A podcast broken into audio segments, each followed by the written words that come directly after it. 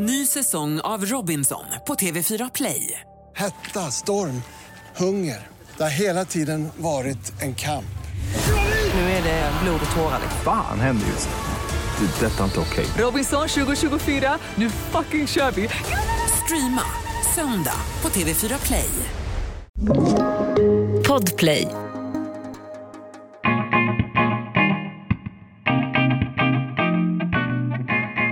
Otålig, rolig och lojal.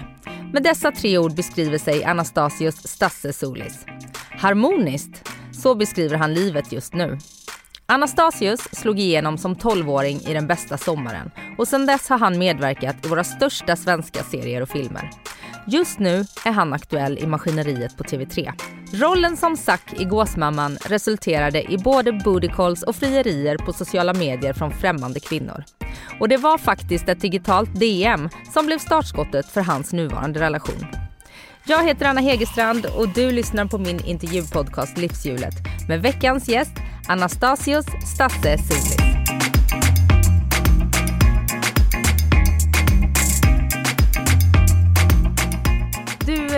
Livet just nu, hur skulle du eh, beskriva det? Harmoniskt, om jag ska använda ett, bara ett ord sådär.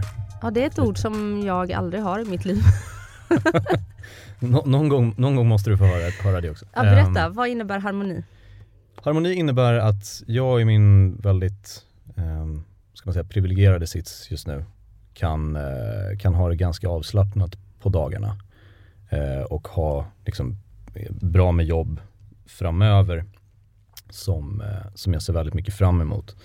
Eh, Jag har också kommit ur en period, en ganska lång period med väldigt mycket jobb. Eh, Så nu har jag haft, jag har varit, jag, jag gillar inte att använda ordet ledig för det är jag inte men, men jag har kunnat vara hemma väldigt mycket och det tycker jag om. Jag tycker det är skönt att vara hemma eh, och bara inte göra någonting eller jobba hemifrån. Bara, bara vara hemma är rätt skönt. Så jag, jag har landat i att jag är ganska harmonisk. Mm, vad skönt. Ja. Och när du säger att du kommer ur en lång period med ganska mycket jobb, eller en period med ganska mycket jobb, är det maskineriet ni har spelat in då? Eller det är länge sedan ni gjorde det? Det, maskineriet är det sista jag har spelat in faktiskt. Så det är det som är liksom mest Mm. eh, top of mind. Och, eh, men det, som, men, men så det, det var det som liksom fick avsluta den här, den här eh, perioden av, av väldigt, väldigt mycket att göra. Så Mm. det känns ju passande också i och med att det, den inte har kommit ut än och att det snart är på väg. Ja, och Maskineriet säsong två har ju premiär 15 maj på Viaplay. Viaplay. Ja. Precis. Mm. Och jag har ju ganska bra koll på dig som skådespelare, vilket jag sa här innan vi eh, tryckte på rec. Eh, eftersom att du spelar min favoritkaraktär i min favoritserie, Gåsmamman. Mm. Ehm, och det ska vi prata mer om. Men jag har inte så bra koll på dig som ehm, utanför ditt jobb. Jag har lyssnat på lite intervjuer med dig, bland annat min kära vän Nemos eh, senaste intervju med dig, som ändå är ett par år sedan. Mm. Ehm, men hur skulle du beskriva dig själv med tre ord? Tre ord bara. Mm, du får Eh. gärna fler beroende på hur långt du har. Hur lång tid jag har. Eh, jag skulle säga att jag är otålig, rolig och lojal Mm. kanske. Det var lite dumt kanske att börja med ett dumt, eller med en dålig egenskap. Men att vara otålig behöver väl inte, innebä- äh, behöver inte vara dåligt? Det kan ju vara bra också, så kan det vara. Hur hanterar du din otålighet? Gör du det? Ja, till viss mån. Jag försöker att, att eh, i trafiken till exempel är jag ju väldigt otålig. Eh, Alltså du är en busig i trafiken? Nej, tvärtom. Jag är lite en sån här som, som eh, jag har inget tålamod när, när andra är busar i trafiken. Mhm. Så jag, jag tutar gärna eller ropar lite från min bil och, och sådana där saker. Har du, har du varit med om någon sån här incident på Mm. grund av att du eh, ska vara så här, vad heter den här, eh, Ove? Jaha, Ove, alltså en man som heter Ove. Ja, en man som heter Ove i trafiken. Ja, är du honom? Ja men lite så, jag tror att jag är lite som en så här moralpolis eh, i viss mån. Lite gubbigt? Ja, jag har alltid varit väldigt gubbig, just, eller ba, bara i det avseendet. Jag, jag tror att jag alltid har varit liksom 75 år gammal mentalt. Eh, så väntar jag bara på att resten av mig ska växa ikapp det. Mm. Men eh, nej, jag har aldrig hamnat i någon, i någon eh, liksom fysisk eh, konfrontation, inte alls. Däremot så vid något tillfälle så har man ju vevat ner rutan ifall de, någon annan har vevat ner rutan och så Mm. ropar man lite på varandra och så är man sur i några minuter och sen har man en, sen går det över. Mm. Vad har otåligheten för drivkraft i ditt övriga liv då? Jag tänker i eh, både privat och yrkesmässigt. Jag tror att det leder till att man blir ganska effektiv. Både, både vad gäller jobbet och sånt där. Det finns liksom inte, jag har inte tid med lullull. Jag har inte tid med att eh, på ett onödigt sätt linda in saker och ting. Utan, utan jag, jag, tror att jag är ganska rak i det jag tycker. Eh, inte på ett sätt som, som, som, är, som inte är respektfullt eller någonting sånt. Det, det gör jag aldrig avkall på. Men, men det känns som att let's get to the point så, så sparar vi både tid och energi. Mm. Uh, och jag, jag, tror att jag är sån i ganska god mån, uh, även, även privat. Att om, om jag har en ledig dag och jag har bestämt för att jag ska åka och storhandla till exempel då gör jag det eh, direkt efter frullen. Och jag, jag, väntar liksom inte till eftermiddagen utan jag gör det direkt så jag, så jag har det gjort. Mm. Så, men jag tror att man blir ganska effektiv. Mm. Kan det handla om att du också har varit din egen lyckas med i din bransch i väldigt många år? Oh ja, det är nog där det är rotat skulle jag tro. Mm. För jag fick tidigt lära mig att, att det är liksom, här, här är det ingen som kommer göra jobbet åt dig. Utan det får man göra själv. Mm. Och du slog igenom som 13-åring, 12-åring va? Ja, jag var 12 när vi spelade in. Ja, Den ja. bästa sommaren. Ja. År 2000. Och sen dess har ju du jobbat intensivt som skådespelare. Och på vilket sätt skulle du säga, förutom det här att du get shit done, att det har påverkat ja, men din uppväxt att ta kliven in, eh, klivet in i arbetslivet så tidigt? Um, jag tror det har påverkat mig på ett bra sätt för att jag blev liksom hänförd av att jobba med vuxna i, ett vuxet, eh, i en vuxen miljö. Jag tyckte det var jättehäftigt och spännande och att att lilla jag kunde göra någonting som imponerade på, på den här vuxna mannen eller vuxna kvinnan. Det tyckte jag var jättehäftigt. Det blev lite som en, ja men nästan som en drog på ett sätt. Mm. För jag, jag, ville, jag ville bara fortsätta för jag, under mina år så har jag sett så många barnskådespelare som har varit jätteduktiga. Mycket duktigare än mig i många avseenden. Men som bara inte haft intresset av att fortsätta, vilket jag tycker är synd. För de hade kunnat bli riktigt bra. Mm. Eh, men jag hade aldrig några problem med att jobba med vuxna. Jag tyckte det var skitkul. Jag ville bara fortsätta. Jag ville göra mer och mer och mer. Sen kom jag till en punkt där jag tyckte det var jobbigt med baksidan av det hela. Att bli igenkänd och sånt där. Så då hade jag en period på några år då jag kände att jag ska göra någonting annat. Men, eh, men sen hamnade jag på, på rätt köl igen. I, vad var det? När jag var typ 18-19. Slutet på tonåren, då bestämde jag mig för att det är det här jag ska göra. Vad var det som var jobbigt i att bli igenkänd? Det kändes som att folk redan då eh, faktiskt kunde ta sig friheter på ett sätt som jag tyckte var ganska, ganska konstiga. Eh, alltså om, om jag var ute och umgicks med kompisar till exempel så kom det fram någon helt okänd och skulle börja eh, fråga massa frågor som rent krasst sett, de, som jag tyckte de inte hade någonting med att göra. Mm. Eh, och sånt kan man ju till viss del uppleva än idag. Det är en helt annan sak idag med mobiltelefoner och sånt där. Även hur många gånger man har blivit liksom smygfotad och, och sånt där. Märks det tydligt? Ja, men man lär, jag tror man lär sig känna igen sånt beteende. Man, man ser det i ögonvrån bara på kroppsspråket hos, hos människor. Då, då ska jag inte säga att, det ska inte sägas att jag är den mest utsatta. Det finns många som har det bra mycket värre än vad jag har det. Men, eh, men det, det kan vara lite sådär, man har ju vant sig. Men jag tycker mm. fortfarande att det kan vara så här. det där är liksom en integritetsfråga. Att du kom fram och fråga om en bild om du vill ha en bild. Mm. Eh, stå inte och smygfilma mig som någon jävla stalker. Nej. Det är skitläskigt. Ja, eh, det kan jag förstå. Men eh, har det lett till att du, eh, har det påverkat dig på något sätt? Att du så här, äh, idag känner jag mig jävligt risig, jag pallar inte att någon tar, tar en bild på ICA liksom. Eh, man har ju dåliga dagar ibland. Har man? eh, men eh, så det, vissa dagar är man nog mer känslig mot det än, mm. än andra. Samtidigt så får man ju, man får ju förstå också att i vissa forum så är det kanske mer eh, acceptabelt och förståeligt att det, att det kommer fram folk. Så på krogen typ? När man på krogen druckit. till exempel, ja. Ehm, jag, har ju, jag, jag, jag och några kompisar brukar åka iväg på, på hockeyresor någon gång per år. Eller vi gjorde det i alla fall innan pandemin. Vilket eh, lag håller du på? Djurgården håller mm. jag på. Eh, så, att, så att vi har åkt runt på till liksom Karlstad och Jönköping och sådär. Och där, där, har, där är folk mycket modigare på ett sätt, mm. har jag upplevt. Så där kommer de ju fram i helt andra skalor än, än vad det brukar vara på, på hemmaplan. Mm. Eh, och det har ju varit att då kanske man har en öl eller två innanför västen också, så då är man lite mer bekväm med det kanske. Ja. Eh, men, men, det, men det är mycket mer vanligt förekommande utanför, utanför Stockholm.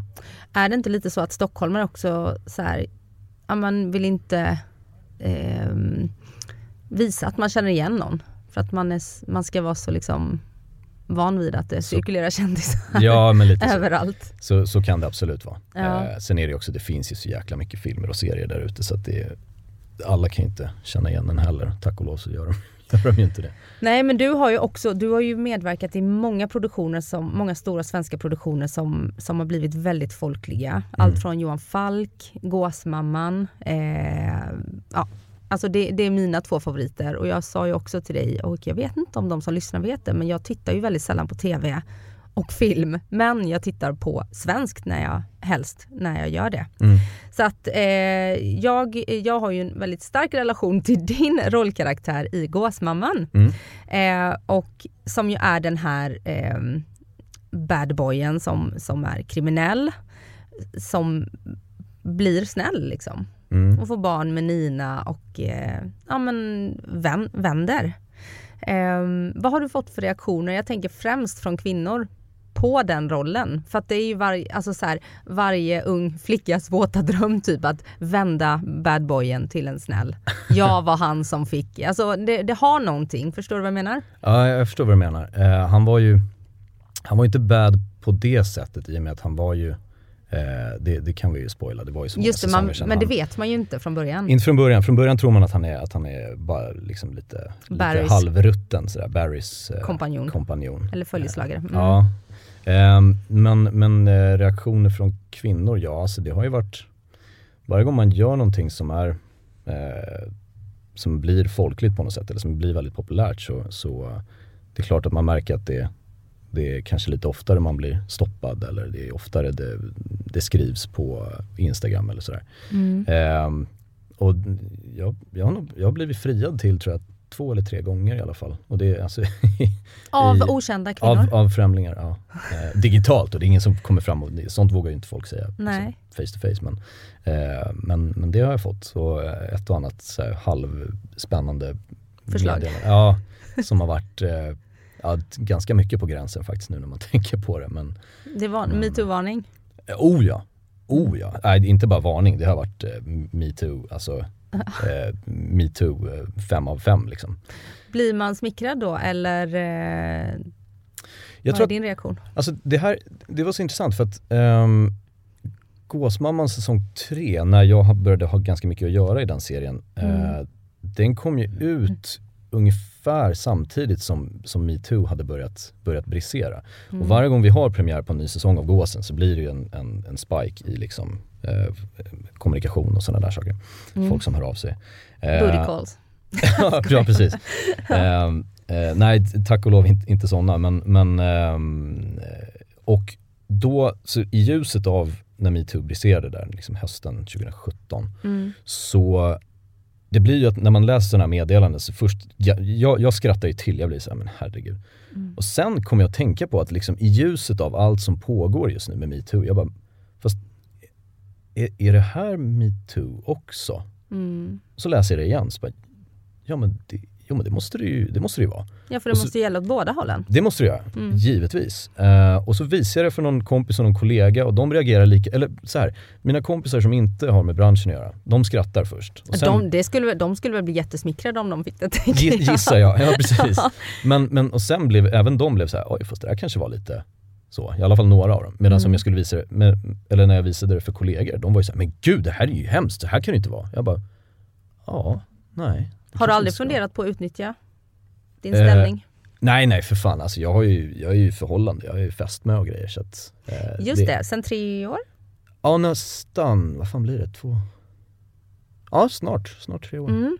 Ja, Så inte på senare tid. Nej precis. Men innan dess får man väl eh, njuta av smörgåsbordet. Njut av smörgåsbordet. Det gjorde jag innan jag kom in i en relation. Det var ett jätteroligt uttryck. Ja, ja, det, har men- inte jag, det har inte jag tänkt på för, eller det har inte jag hört förut. Man Eh, måste ja, men smaka det, på alla rätterna innan man hittar sin favorit. Exakt, exakt så. Men det har ju du gjort nu. Ja men så jag är klar. Och ni är skitbra. förlovade. Ja vi är förlovade. Grattis. Tack Hur länge, sen hur länge? Eh, snart ett år Mm. faktiskt. Ja, Var det du Så- som fria? det var jag som fria. Mm. Men det var hon som raggade upp dig? Eh, ja, det stämmer. Det Ja. stämmer bra. Hon, eh, hon skickade ett eh, DM till mig. Och... ehm, det- Inget sånt DM då va? Nej, nej, nej, hon var bra mycket mer classy än så. Ja, ja, jag Ehm, Nej, bara, nej men hon skickade ett DM och, och jag tyckte hon verkade rolig. Eh, och hon uttryckte sig på ett sätt som var så här, väldigt rakt på sak. Mm. Alltså- Precis som du är. Och, precis, och det kanske var det som jag liksom lite eh, fastnade för i början. Att, aha, vad, vad kan det här vara för någonting? Mm. Eh, men så gick vi ut på en, på en dejt och sen, sen på den vägen ner. Mm. Liksom. Så jag, jag tror att jag uppskattade det från början. Att hon var väldigt så här, spot on. Mm. Har ni också ett bröllopsdatum eller? Eh, det får vi se. Det har vi inte bestämt än. Hur är du som pojkvän? Ehm, jag, jag tror faktiskt att jag är ganska bra som, som pojkvän. Ehm, jag, jag, lys, jag är ganska bra på att lyssna tror jag. Eh, och jag är väldigt mån om att få alla i min närhet egentligen att och, och må bra. Att, att skratta. Jag, jag älskar ju att få folk att skratta. Det är ju den, den tyngsta drogen som finns i princip. Mm. Ehm, och jag, så jag, jag tycker mycket om att få henne att skratta. Och det vet jag att hon uppskattar. Hon Mm. tycker ju jag är sjuk i huvudet och knäpp. Men, men hon säger det liksom mellan skrattpauserna. Mhm. Så det är ju bra. Ehm, och, men jag tror att jag är rätt lätt, och, lätt att ha att göra med. Mm. Det säger Ny säsong av Robinson på TV4 Play. Hetta, storm, hunger. Det har hela tiden varit en kamp. Nu är det blod och tårar. liksom. Fan händer just det. Det är detta inte okej. Robinson 2024, nu fucking kör vi! Streama söndag på TV4 Play. Poddtips från Podplay. I podden Något Kaiko garanterar östgötarna Brutti och jag, Davva, dig en stor dos skratt. Där följer jag pladask för köttätandet igen. Man är lite som en jävla vampyr. Man har fått lite blodsmak och då måste man ha mer. Udda spaningar, fängslande anekdoter och en och annan arg rant. Jag måste ha mitt kaffe på morgonen för annars är jag ingen trevlig människa. Då är du ingen trevlig människa, punkt. Något Kaiko, hör du på Podplay. Därför är gardinerna. jag i alla fall.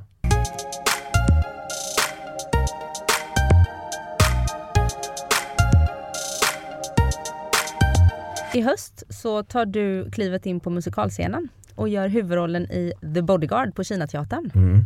Spännande! Det ska bli väldigt kul. Är det din musikaloskuld? Eh, nej, jag har varit med i en musikal tidigare. Men, men då hade jag en ganska mycket mindre roll. Vilken är det? Det var en eh, som hette Karl Gerhard som vi gjorde på Stockholms stadsteater för massa år sedan. Där eh, Rickard Wolff spelade huvudrollen. Han spelade Karl Gerhard i en eh, jättefin tvåaktare som, som vi spelade på stora scen. Jag var inte med från början i den. Jag, jag tog över Björn Elgerts roll i den. För att han fick en annan roll på teatern det, och de, de skulle liksom krocka så då behövde de någon som, någon som hoppade in och tog hans roll. Och då hade vi precis slutat spela VD på Stadsteatern med Helena Bergström och Cissi Fors. Så då, då, då hade jag lite tid kvar på mitt kontrakt där. Så då var det så här, men då hoppar jag in där och kör det. Men det här kommer ju vara en helt annan nivå av, eh, det är ju jättemycket sång i den här. Eh, Och eh, Nadja, som, eh, Nadja Kasane som spelar vår Whitney, hon eh, har ju en pipa som både räcker och blir över. Hon har en jättefin röst. Så hon ska liksom axla en av tidernas bästa sångerskors eh, insats i, i den där filmen. Ja, det är Och- modigt. det är riktigt modigt, men, men är det någon som kan klara det så är det hon. Eh, och jag, jag kommer nog klara av att se, stå bredvid och se tuff ut, tror jag. Ska du sjunga? Jag kommer faktiskt att sjunga, det ska jag göra. Hur, eh, jag tänker så här, det finns ju jätte eh, liksom etablerade manliga riktiga musikalskådisar, alltså Mm. musikalstjärnor. Hur, eh, varför tror du man valde dig? Ehm, det undrar jag också. Nej men jag, jag, ehm, de, de ville nog fokusera på att ha spelet eh, så, så passande som de kunde till den här rollen. Och jag vet inte vad det var de hade sett mig i som fick dem att, att tänka, tänka på mig först och främst. Ehm, För det var de som hörde av sig till dig. det var de som hörde av sig till mig. Och, eh, och ehm, det är alltid kul att få, dels att få höra att man är någons första val. Eh, Mm, men verkligen. också när det klaffar med någonting, att det, det sen visar sig vara någonting som man faktiskt vill göra. Ehm, och jag har inte gjort musikal på det här sättet som sagt. Jag, jag kommer ju sjunga lite grann, kommer jag göra. Men den här gången kommer jag sjunga själv. När vi gjorde förut, då sjöng jag ju bara i kör.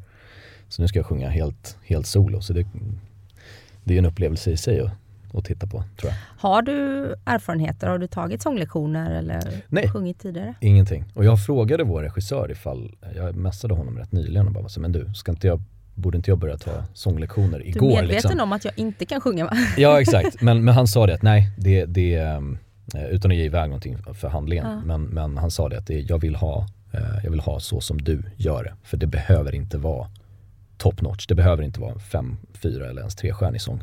Tror jag. Nej, Det, det passar liksom lite i den scenen att det inte ska vara så himla bra kanske. ja jag fattar. Det är inte du som tar de högsta tonerna i I will always love you ord. Dessvärre inte. Dessvärre inte. Inte den här gången i alla fall. Och det har premiär i höst. När börjar ni repa? Vi börjar repa den första augusti. Så vi repar i fem sex veckor och sen har vi prempa den 8 tror jag, september på Kina teater. Så du har ledigt hela sommaren fram tills dess? Eh, nej, det har jag inte. Jag ska faktiskt filma i, vi börjar filma i maj. Så om ungefär en månad ska vi börja filma eh, en, en tv-serie. Och det är så himla, du vet som det alltid är, att man inte får säga vad det är. Ja. Eh, men, men så jag kommer ha lite att göra i alla fall. Jag har inte jättemycket att göra i den serien så jag, jag kommer ha lite grann eh, Men, eh, men eh, så jag, det, det jag är liksom har närmast i pipen är ju premiären av, av Maskineriet och det är den jag ser väldigt mycket fram emot också för jag, jag har inte sett knappt någonting. Jag har bara varit inne och eftersynkat lite grann eh, och fått se några eh, vanliga, inte helt bearbetade scener. Så det ska bli väldigt, väldigt spännande att se vad, vart vi landar med den. Ja, du, jag tänker du har ju jobbat så otroligt länge som, som skådis. Har du haft några liksom, tankar på att eh, fördjupa ditt arbete? Att, att involvera dig mer i liksom, produktion med, som producent eller manus?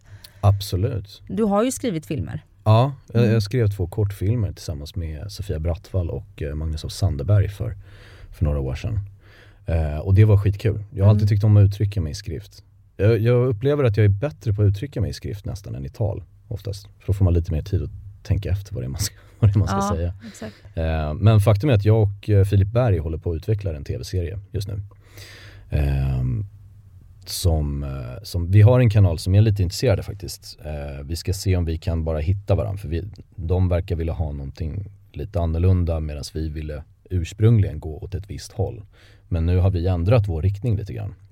Och vi tror, att, vi tror att det kan klaffa väldigt bra faktiskt med det, med det de vill komma åt. Så det är det vi sitter och liksom finsnickrar på lite grann just nu. Ja, jag förstår. Och då kommer vi vara involverade både som, som liksom medproducenter och eh, i viss mån även manus. Ja. Din relation med Filip Berg, ni är bästa kompisar. Ja men det kan man väl nästan säga. Ja, för ni har, jag har lyssnat på en podd där ni båda medverkar. Ja, ja, fan Tom och Petter ja. Ja, och sen så pratar du i Nemo möter om Filip Berg. Mm, Eh, och vice versa. ja, exakt.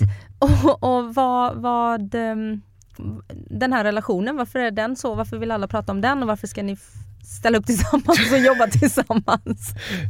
Senast, senast, i, eh, senast i morse faktiskt så blev vi inbjudna till ett, eh, till ett eh, så här, idrottsevent eh, tillsammans. Eh, jag vet inte vad det är som har gjort att vi klaffar så bra, men för att vi, i grund och botten så är vi väldigt, väldigt, väldigt olika. Vi är hund och katt, vi är natt och dag liksom. Jag är den här fyrkantiga, du vet, gråa, logiska bromsklossen som säger, nej men nu, nu, får vi, hörru, nu får vi skynda oss och nu måste vi fixa och, och han är en fritt svävande konstnärssjäl som inte har koll på någonting höll jag på att säga. Eh, men, ehm, eh, och också bara en sån grej som det fysiska, att han är typ 1,90, jag är, vad är jag, 1,75 typ.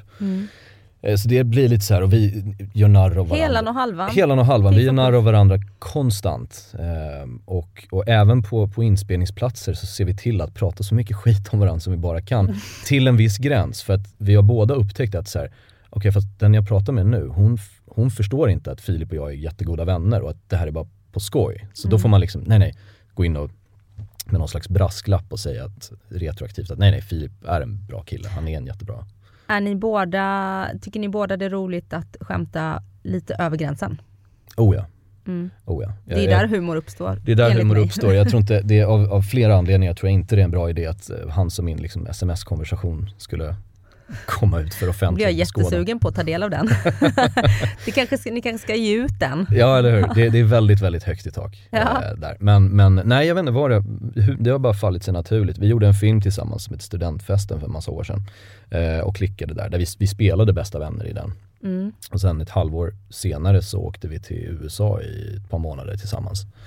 Eh, och eh, nej men det har bara, det, det är ganska lätt att umgås med, med honom. Hur är det att jobba ihop då när du är den strukturerade och han är den som svävar iväg?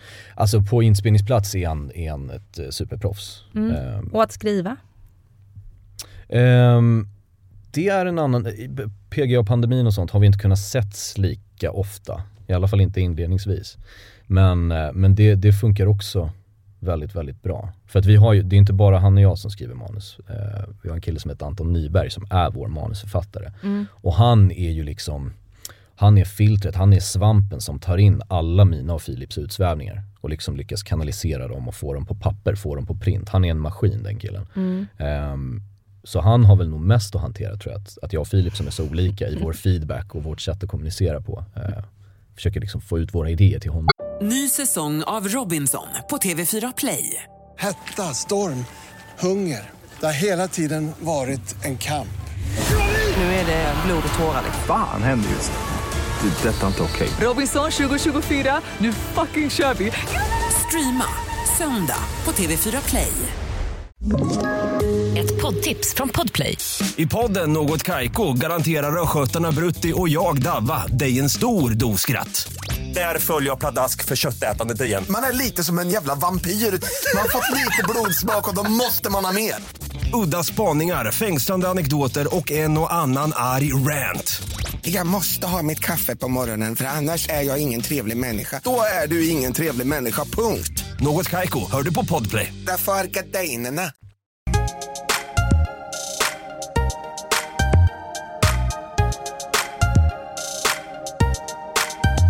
Och du fyllde 35 i januari.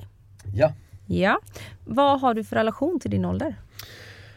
Bra fråga, hur, men, eller hur menar du? Alltså, Nej, men tycker du om att vara 35? Kä- Har du åldersnoja eller längtar du efter att bli äldre? Ja, du menar så. Ja, Jag Mm. längtar tills jag blir äldre faktiskt. Eftersom du är 75 på Eftersom insidan. jag är 75 på insidan. Nej men jag har aldrig haft någon sån här åldersnoja eller, eller någonting som, så att det känns som att men shit, jag har inte hunnit det här och det här och det här. Och jag vet inte om det grundar sig i att jag började jobba så pass tidigt så att jag, Mm. jag hamnade liksom före kurvan. Men kan du inte känna, för du eh, har, var ju under många år den yngsta och sen den yngre i branschen. Nu så är det ju många som är yngre än dig som är liksom i början av sin karriär. Mm. Medan du är etablerad. Det är ju skönt på ett sätt men du, du hamnar i ett annat läge tänker jag. Det är jätteskönt faktiskt för att jag kan ju använda all den hjälpen och de råden och de tipsen som jag fick i början. Kan jag nu skicka vidare, skicka vidare på, på ledet, i ledet liksom. Ja. till, till de unga som kommer upp idag. Eh, och det känns jättefint att kunna ha en, en mentorsroll till, eh, till vissa av dem. Liksom. Och, eh, så jag har, en, jag, har en, jag har ett jättebra förhållande till, till min ålder. Jag såg fram emot att fylla 35. Jag ser ännu mer fram emot att se det mera fylla 40 och 50 och mer. Sådär. Jag vill bara bli äldre, jag tycker det är skönt. Vad är det som är skönt med att bli äldre? Um, sådana här förväntningar som, som man har på sig som 20-plussare till exempel. De fasas ut och de blir urvattnade. Att det är så här, du behöver inte vara på krogen till ett visst klockslag. Du, ehm, det är förståeligt om du vill gå och lägga dig tidigt. Det är, det är okej ifall du ehm, tycker att det är för hög musik. Och, och sådana där saker. Jag inser att jag låter snarare som 95 än 75 men det, men det är bara Jag tycker också jag det är är. jobbigt med hög musik och det har jag lite ångest för. Jag sitter så på, på någon restaurang och det är svinhög musik och man hör knappt vad sällskapet säger och man bara så här, jag ska inte klaga på musiken nu för då låter jag så jävla tantig. Alltså jag kan säga så här att under, nu under, under pandemin som, som har varit så, så en av, de, en av väldigt, väldigt få ljusglimtar tyckte jag var att eftersom vi i Sverige ändå hade krogar öppna och sånt där, Till nio typ till åtta till och med. Till åtta och det var var, ju drömmen. Ja Det var drömmen för mig. Att Ja. om man hade en, en ledig lördag att gå och sätta sig med någon, med någon kompis på någon krog liksom redan på eftermiddagen. Mm. Sen vid sjutiden var så nej fan ska vi dra och fyllekäka och sen dra hem? Det var Ja. skitskönt. Och så vaknar man dagen efter och mår bra. Må bra. Så har man ändå haft en hel kväll på något sätt. en hel, liksom en hel dag, man har fått inleda tidigt, man har fått avsluta tidigt. Det har inte varit någon hög musik, det har inte varit massa folk, det har inte varit liksom, ingen har varit så här: shots! Ingen har hållit på så, för ingen hinner liksom komma in i det modet. Det skulle jag säga är åldersrelaterat för så tänkte man inte för 10-15 år sedan. Sant. Det är väldigt, väldigt sant. Ja. Men jag tänker med alla åldrar så finns ju, du säger ja men det finns ingen förväntan att vara ute sent på kvällen och dricka shots och sådär. Men sen har, tänker jag att alla åldrar har en förväntan på sig. Som jag fyller 40 i höst fortfarande 39. Mm. Viktigt. Viktigt att poängtera. Ja, eh, och jag känner att, det, att jag hade varit stressad om det hade varit vissa saker som jag inte hade bockat av. Till exempel att jag hade hittat det jobbet jag ville. Jag har två barn Mm. eh, som jag fick, inte jätteung, men jag var 34 och 35 när jag fick mina barn. Mm. Eh, finns, fanns kanske en viss stress att barnen föddes så tidigt. Så att jag tänker att det finns andra förväntningar. Eh, men känner du att du har uppnått det du vill uppnå? I mångt och mycket så känner jag verkligen att jag har gjort det faktiskt. Mm. Ehm, för att, alltså som till exempel, ehm, jag skrev en sån här bucket list när jag var typ 14. Alltså jag var jätteung när jag skrev den. Mm. 100 saker jag måste göra innan jag dör.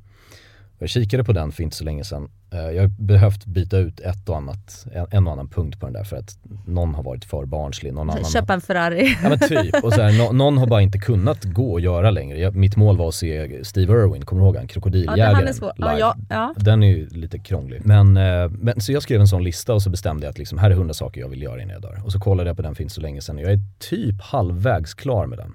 Varav vissa är ju så här alltså förhållandevis lätta att, att, eh, att utföra. Mm. Medan andra ändå kräver, kräver liksom ganska mycket pengar och planering och sånt där. Typ, jag, jag har varit och snorklat vid barriärreven, det är ingenting man gör bara över en helg. Liksom. Nej, det tar några veckor. det tar några veckor. Och, och sådär. Så med det i åtanke så känns det som att jag har ändå nått, eh, nått de mål som, som jag har velat. Liksom. Och, eh, för jag har aldrig haft något uttalat mål att, i alla fall inte som vuxen, att så här, ja, men by the time jag har fyllt 35 så ska jag ha två ungar och bo i villa och ha den och den bilen. Alltså det har aldrig varit någon, eh, någon liksom morot eller drivkraft för mig så. Nej. Så det känns, jag känner mig väldigt trygg i, eh, i, i där jag är så att säga. Mm. Med, med både livet och karriären och sånt där. Och om du får ta några punkter ur din bucketlist som du verkligen vill göra framöver. Vad är det? Vad Och har det, du kvar? det är högt och lågt. Bes, besöka Sydamerika vill jag göra. Mm. Det har jag inte gjort än. Ehm, bestiga Kilimanjaro skulle jag vilja göra. För det är, det är en, bara en vandringsresa. Mm. Man, det är liksom ingen klättring involverad. Ehm, jag, skulle, jag skulle vilja skaka hand med Zinedine Zidane. Mm. eh, som var liksom min idol när jag växte upp. Eh, det, så det är lite sådana saker som, Ja. som, eh, som finns där. Hoppa fallskärm gjorde jag här för ett par somrar sedan. Eh, så det, den är liksom avbokad och klar. Det skulle jag vilja göra. Var det läskigt? Nej. Härligt? Ja, det var härligt. Det var så här, för jag var där och hoppade med två kompisar och vi sa det efteråt i bilen på vägen hem att det var kul, men man önskar nästan att man hade haft att man hade varit rädd för det, att man hade varit höjdrädd eller någonting sånt. För då, då hade det känts som att man hade åstadkommit någonting Mm. efter hoppet. Efter hoppet var det så här, ja men det här var ju kul. Det är klart pulsen gick upp, det är inget snack om saken. Men hade man varit mer rädd för det från början, då tror jag det hade känts mer som en bedrift, att man har verkligen Mm. gjort någonting häftigt. Ja, jag fattar. Ehm, men jag har bungee jump kvar på Jag den här listan. säga det. Så att, och det ska ju vara 100 resor värre. Så att där kanske... Men jag har också eh, läst att du länge har närt en dröm om att eh, jobba internationellt. Ja, Stämmer det? ja alltså Dröm vet jag inte om, om det är längre eller om det har varit det de, de, de senaste åren men, men självklart skulle det vara skitkul. Mm. Eh, givet att projektet är rätt och att, och att eh, allting klaffar liksom tidsmässigt och så. Det skulle vara skithäftigt att, att göra film i, i USA till exempel. Mm. Eh, jag har haft förmånen att göra fransk film. Det var i och för sig i Sverige men då fick jag ändå prata franska det var jävligt kul. Mm. Eh, jag har filmat i Tyskland också. Och eh, varit runt lite, men här Norge och, och Litauen och Belgien och sådär. Ehm, så jag har absolut fått prova på det. Mm. Men, eh, men det vore inte, det vore inte helt fel att testa på någon sån här 150 miljoner dollars Marvel-rulle. Mm. Eh, och och ba, bara få se hur, hur det maskineriet, no pun intended, hur, hur, det, hur, Ja. hur en sån apparat fungerar Ja. eh, och se den från insidan. Det skulle vara, det skulle vara väldigt kul. Mm. Du, eh, den här Netflix-filmen du gjorde, Red Dot. Mm. Ehm, jag har inte sett den, ska jag säga. Den, den, jag har sett Gåsmamman. Ja. Men, men eh, skulle inte den kunna öppna dörrar? Jag tänker Netflix är ju ett internationellt varumärke och eh, att man kan bli upptäckt på den vägen. Ja, oh ja, så vi fick ju en spridning som, som eh, vanliga filmer inte alls får.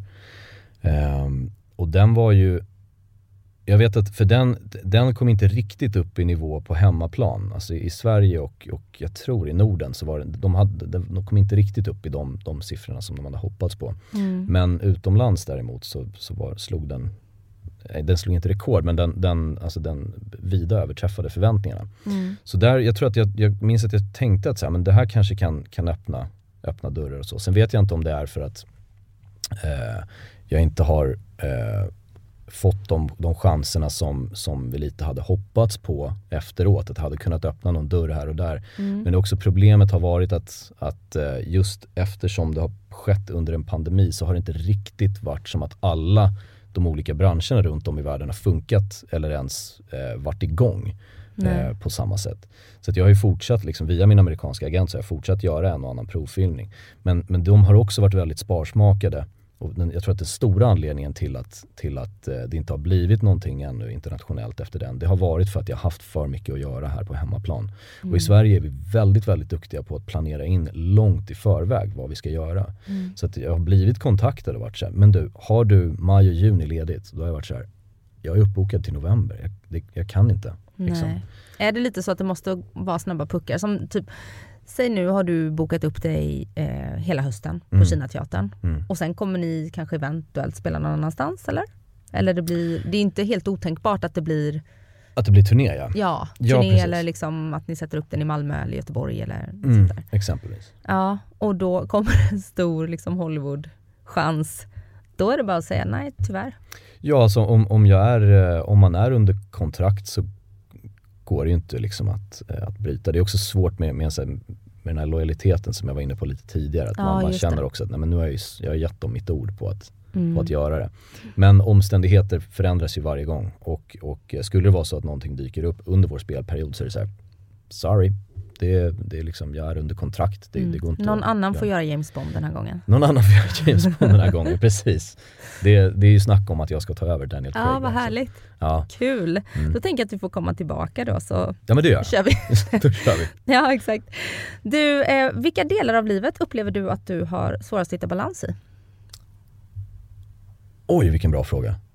Ehm, kanske eh, i viss mån, vad ska man säga, vänskapslivet. Mm. Alltså jag, jag är lyckligt lottad, jag har väldigt många vänner, alltså väldigt många bra vänner. Vänner som man kan liksom ringa mitt i natten ifall det är någonting. Ehm, men jag vet, alltså, i och med att många av dem har börjat landa i småbarnslivet och sådär. Mm. Eh, så det blir ju en annan sorts dynamik i, i sättet man umgås på. Där man, man kan inte ses lika ofta eller Mm. eh, om man ses så är det ju inte sällan i, i sällskap av, av deras barn. Ja. Och, och det tycker jag, alltså jag, jag tycker väldigt mycket om dem men, men det blir ju en annan sak såklart. Det vet Ehm, jag, jag tycker, för vi var, vi var sena med att få barn Mm. i vår bekantskapskrets. Så det var alltid så ettåringar och tvååringar och snack om ettåringar och tvååringar. Jag tyckte det var värdelöst. Mm, Ehm, nej men det blir, precis, det blir en helt annan dynamik och när en sån person som har en, en ettåring eller en tvååring väl är ledig från sitt barn så vill ju inte den personen gå ut och festa eller sitta och käka middag och dricka vin sent på kvällen. Då vill man ju bara sova. så man är rätt tråkig, under, eller tråkig i andras ögon som inte har barn. Eh, upplever du att, eh, att eh, ja, relationen har förändrats? Att man inte riktigt kan relatera till samma saker?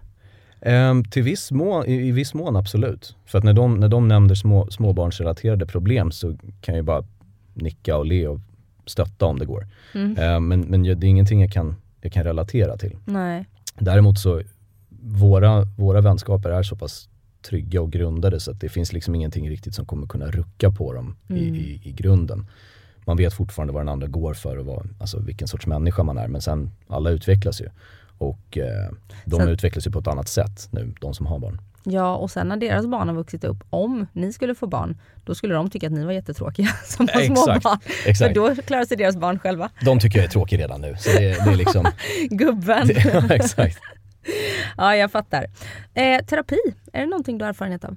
Nej, men fan i mig vad jag hade behövt det för, eh, för, några, för några år sedan framför allt. Och jag tror, alltså än idag så är jag så här, jag, alltså jag, jag mår jättebra och så men jag tänker att varför inte? Alltså det, det, det ska ju vara jättebra. Alla, alla de vänner och bekanta jag har som har som eh, har gått i terapi eller går i terapi säger att det är, liksom, att det är guld värt. Mm. Jag, jag har försökt öppna upp mig för, för nya intryck. Eh, och det är ingen, det är ingen liksom retroaktiv 35-årskris på något sätt. Men ehm, för att jag, jag, jag har börjat meditera till exempel. Mm. Och jag, jag likställer inte meditation med, med eh, terapi på något sätt. Men det känns som att försöka komma i kontakt med sitt inre och sådana saker. Jag tycker det är jävligt spännande. Eh, så terapi har jag inte börjat med men, men det utesluter jag inte alls. Och det, det känns inte som det nödvändigtvis måste vara någon katalysator till det. Alltså någonting händer och att jag måste gå i terapi. Men för några år sedan när jag gick igenom riktigt tuffa perioder så hade jag absolut behövt det. Men jag var 26 år gammal då. Jag var så, äh, vad- nej, jag, tänk, jag tror inte ens jag tänkte i de banorna då. Nej, ehm, och just terapi har ju som bäst verkning om man genomgår den när man mår bra. För då är det ingen brandsläckare liksom, utan då är det ju förebyggande syfte. Okej. Men, eh, men eh, eller har jag hört, jag är ingen terapeut, men jag har gått väldigt mycket terapi. Ja. Men hur kommer det sig att du hittade till meditationen? Eh, ja, hur fan Eller sökte dig till meditationen? Jo, men ehm, min, min tjej har jag tror inte hon har mediterat liksom regelbundet eller ofta så här, men, men hon kan ju en, en del om sånt. Mm. Och hon nämnde det i förbifarten. Och sen träffade jag en, en jättegod vän till mig som jag inte hade träffat på väldigt länge. Och han berättade för mig att han hade gått igenom både det ena och det andra. Eh, eftersom, och jag visste inte om det här för vi hade inte setts på så länge. Och då berättade han att han eh, hade börjat med, eh, han hade börjat meditera. Och han sa att det är som natt och dag. Och han är en, han är en av de smartaste eh, människorna jag har träffat faktiskt. Och, och jag värdesätter hans, hans input väldigt mycket vad gäller i princip allt. Och när, när en så pass, för mig, stark människa insåg eller, och kunde uttrycka att meditation gjorde, gjorde liksom jättestor skillnad för mig efter en tuff period som han hade gått igenom. Då insåg jag att jävlar, okej om till och med han kunde, kunde må så pass mycket bättre efter en liten meditation. Då var det så här, men fan då, då, vill jag, då vill jag också prova bara för att se vad det, vad det kan göra. Och vad har du gjort då? Ehm, det har bidragit till att jag känner mig lite lugnare ibland. Att, att det är så här, jag behöver inte stressa upp mig eller hetsa upp mig över någonting. Eh, jag, jag tror att det, det i kombination med att jag har börjat träna kampsport har gjort att jag har blivit så lite mer, att direkt efter ett kampsportspass eller efter en meditation så är man lite så här. okej men det är lugnt, det kommer lösa sig. Det är liksom, ehm, så de, de två för mig tillsammans har, har funkat, funkat jättebra. Faktiskt. Vad roligt att du säger det, för att jag gjorde en intervju med Malin Berghagen. Mm. Eh, för det är många år sedan nu, men då sa hon det, för hon är liksom yoga-Malin. Men hon har ju i perioder, vet jag i alla fall, kompletterat yogan med kampsport. För det är som att ja, men de kompletterar varandra och yoga och meditation är ju, yoga är väl typ fysisk meditation, Mm. skulle man väl kunna säga. Eh, men kampsporten då? Mm. Tränar du mycket? Det har inte blivit så mycket. Vi, vi, har, eh, vi har bara kört i ett par månader. Eh, Jag och en, eh, en god vän till mig. Eh, Det, det, var, det var en annan så gammal kompis som jag inte hade träffat på länge. Och så nämnde jag för honom att jag har jag bara slängde ur mig att jag har varit sugen på att testa kampsport och då sa han, men han bara, men jag, jag körde ju Muay Thai förra året eh, och skulle jättegärna vilja ta upp det igen och köra med någon. Och vi är gamla fotbollskompisar i grunden så vi, vi har ungefär samma, samma fysiska förutsättningar men också samma, samma teknik. Vi har liksom fotbollen, det, det gör att sparkarna sitter rätt bra. Mm. Eh, bara det att nu måste man lära sig att sparka lite mer med smalbenet och inte bara med foten för då Ja, just det. slår du sönder foten. Liksom. Ehm, så vi, vi har kört nu i ett par månader bara. Typ 6-7 gånger eller något sånt där. Men det är skitroligt alltså, det är så kul. Det är så kul. Har du testat det någon? Jag har testat kampsport en gång. Jag tränade då med Jörgen Krut. Ja, Okej, du gick direkt på jag liksom, gick eliten. direkt på elit. vi, eh, vi träffades i ett annat sammanhang. Vi var med på samma träningsresa. Mhm. Eh, och sen så för, eh, fick jag träna med honom och jag var blå, gul, grön, lila på mina smalben i typ en vecka efter. Ja. Så jag gick inte tillbaka. Men jag tror att jag skulle behöva det. Alltså jag, ehm, har man mycket energi Mm. så tror jag att det är ett jättebra sätt att kanalisera den. Det är det definitivt. Och jag menar det var inte hans fel att jag var blåslagen, det var jag som sparkade fel. På Mm. tal om det här med att man knäcker foten om man inte sparkar rätt. Ja, Eh, så man ska inte sparka på någon med liksom, smalbenet utan man ska ju träffa på, på rätt sätt. Liksom. mm. Vilket jag inte lärde mig första gången. Men jag kanske får ta upp det där. Ja men gör det, för att, för att jag, jag upptäcker framförallt att eh, om jag inte har, om jag inte har eh, mediterat på några dagar, fem, fem, sex dagar, någon vecka, Mm. då märker jag att då börjar jag komma tillbaka till det här att jag blir lätt irriterad på vissa saker och sånt där som, Mm. som om jag håller meditationen i schack, att jag gör det ett par, tre gånger i veckan. Och det behöver inte vara mer än fem minuter, i alla fall inte för mig. Det, sånt där kan jag gissa är väldigt individuellt. Mm. Ehm, så man, man håller sig på en liksom lugn nivå. Och, att, och har, man, har man tiden och, och orken och lusten framförallt att ja, men, köra någon, något kampsportspass i veckan och kanske gå ut och springa eller gå och träna eller något sånt där. Då, det ger väldigt, väldigt mycket. Mm. Jag tycker du känns överlag med eller utan terapin, eh, eller terapimeditation. Nu, är, nu är det här första gången jag träffar dig. Du känns som en väldigt harmonisk person, precis som du inledde med. Att Som- du känner dig på en harmonisk plats. Ja, men jag, jag tror att jag har landat i det någonting. Och, Mm. och det känns väldigt bra. Sen får vi, får vi se hur det blir i höst när vi börjar spela fem gånger i veckan och eh, massa andra grejer kanske kommer emellan. Mm. Men, eh, men jag, jag, är, jag är där nu i alla fall. Och jag kommer definitivt att eh, gå och se dig på Kinateatern. Ja, det får du göra. Mm, det är premiär 8 september läste jag. Ja, det Ja. stämmer bra.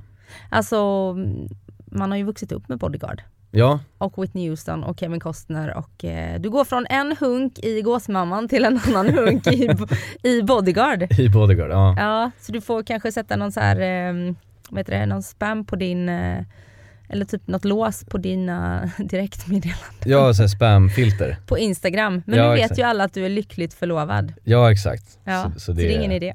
Nej, precis. Man Nej. kan försöka om man vill, men, men det, det kommer inte leda någonstans dessvärre. Nej. Hörru, tusen tack för att du ville komma och gästa mig i Livshjulet. Ja, men tack för att jag fick komma. Och lycka till med allting och ha en superhärlig sommar. Tack detsamma. Hej då! Hej.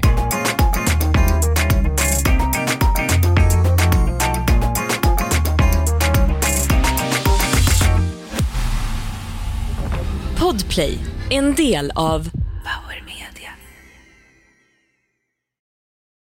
Ny säsong av Robinson på TV4 Play. Hetta, storm, hunger. Det har hela tiden varit en kamp.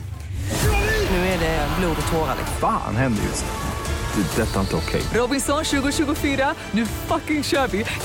Streama söndag på TV4 Play.